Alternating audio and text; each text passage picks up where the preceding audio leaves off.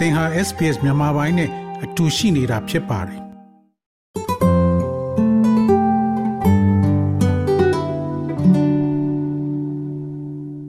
တော်ရရှိများယခုတင်ဆက်ပေးမှာတော့အောက်တိုဘာလ23ရက်တနင်္လာနေ့အတွက် SPS Newsflash သတင်းထူးများပဲဖြစ်ပါတယ်ကျွန်တော်က Terror အောင်ပါယနေ့အတွက်ထိတ်တန့်သတင်းများ Food Bank အစီရင်ခံစာအစီရင်ခံစာအသစ်ရ Australia တွင် စားနပ်ရိက္ခာမလုံခြုံခြင်းအတွက်အဓိကပံ့ပိုးပေးတဲ့အစားအစာစရိတ်မှာ လူဦးရေထက်ဝက်နီးပါးဗိုက်စာတော့မည်ကိုစိုးရိမ်နေကြကြောင်းအစီရင်ခံစာအသစ်တွင်ဖော်ပြထားပါတယ်။ယခုနှစ် Food Bank Hunger Report တွင်ယေဘုယျလူဦးရေရဲ့48ရာခိုင်နှုန်းသည်လုံလောက်သောအစားအစာရရှိရန်အမြဲတစေစိုးရိမ်ပူပန်မှုသို့မဟုတ်ရုန်းကန်နေရသည်ကို ထုတ်ဖော်ပြသထားပါတယ်။ အိမ်ထောင်စု 3.7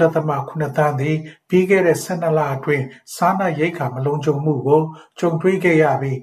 ယခင်နှစ်ထက်3ရာခိုင်နှုန်းဒိုးလာသည်ဟု အစီရင်ခံစာမှာ ဖော်ပြထားပါတယ်။ Food Bank Australia ရဲ့ CEO ဖြစ်သူ Brianna Casey က လူနေမှုစရိတ် အကျပ်တဲသည့်အလွန်ပြင်းထန်သောကြောင့် အလုပ်တစ်ခုရှိခြင်းသည်စာလောင်မှုကို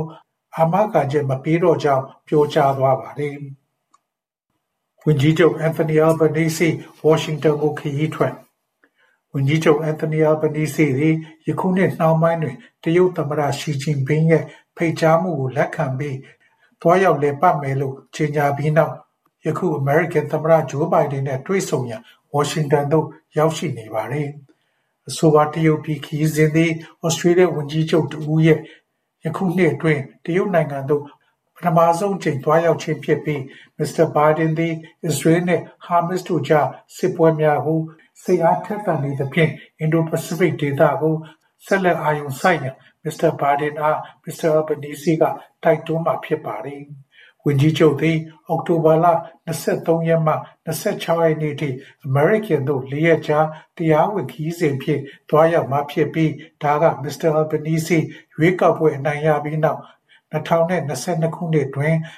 ခေါင်းဆောင်နှစ်ဦးကြားကိုးကြိမ်မြောက်တွေ့ဆုံမှုပင်ဖြစ်ပါတယ်။ဩစတြေးလျသတင်းထောက်ချန်ဒိလွတ်မြောက်ရေးနဲ့ဩစတြေးလျဝိုင်းတင်သွင်းမှုအပေါ်တရုတ်အခွန်စည်းကြပ်မှုအပေါ်သဘောတူညီချက်အပါအဝင်မကြာသေးမီကစေ့စပ်ညှိနှိုင်းမှုများတွင်အောင်မြင်မှုထွက်ပေါ်လာပြီးနောက်တရုတ်နိုင်ငံရဲ့ခရီးစဉ်ထွက်ပေါ်လာခြင်းဖြစ်ပါတယ်။ဝန်ကြီးချုပ်ဟောင်းနဲ့ယခုအမေရိကန်နိုင်ငံဆိုင်ရာဩစတြေးလျသံအမတ်ကြီး Kevin Rudd က နိုင်ငံတော်အကျိုးစီးပွားအတွက်နှစ်နိုင်ငံလုံးနဲ့ဆက်လက်လက်တွဲဆောင်ရွက်သွားရမှာဖြစ်ကြောင်း Channel 7ကိုပြောကြားခဲ့ပါတယ်။အရှေ့အလယ်ပိုင်းဓားစာခံများ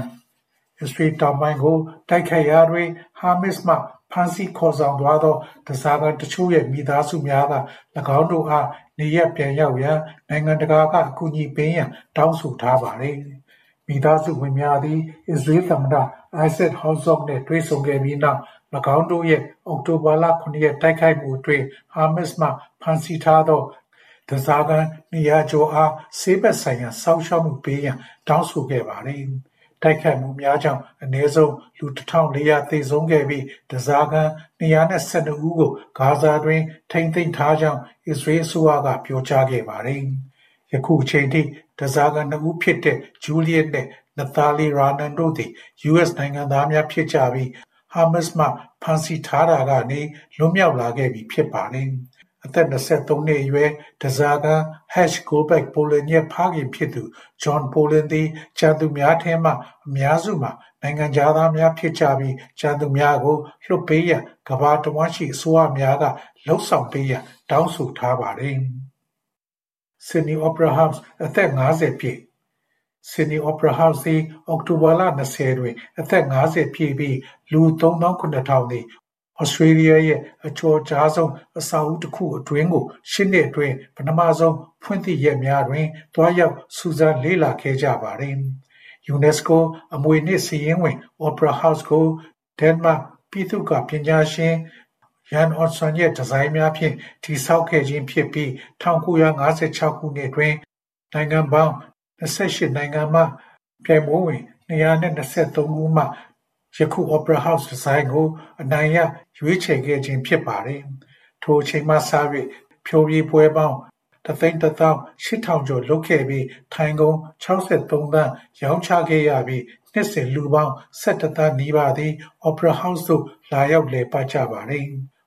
Opera House ရဲ့အမွေအနှစ်မန်နေဂျာ Laura Matarasi က Opera House ဆောက်လုပ်ရေးတွင်ဒေါ်လာ102သန်းကုန်ကျခဲ့ပြီးကနဦးခန့်မှန်းခြေအားဖြင့်ဒေါ်လာ9သန်းခန့်ကုန်ကျမယ်လို့တွက်ချက်ခဲ့ပြီးကျန်လိုငွေများကိုဩစတြေးလျအများပြည်သူကရန်ပုံငွေဖြင့်ကူညီခဲ့ကြောင်းပြောကြားသွားပါတယ်။နေ့စဉ်သတင်းတို့ News Flash များကိုပိုမိုကြားသိရန် SBS Language Podcast ကိုတွားရောက်ကြည့်ရှုပါသို့မဟုတ်ဝင်ရောက်ကြည့်ရှုနိုင်ပါတယ်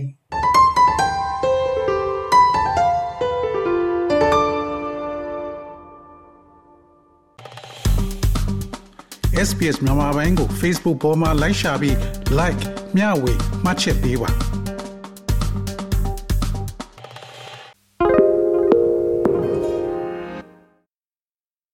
SBS is Australia's most trusted multilingual broadcaster. Our listeners are loyal, highly engaged, and have supported countless local businesses. We offer advertising packages for businesses of all sizes. Our experienced sales team will guide you through the process of owning a great campaign. Bring your own ad or have our production team make you something in one of our 68 languages. Start the conversation with your new audience today. Email sales at sbs.com.au.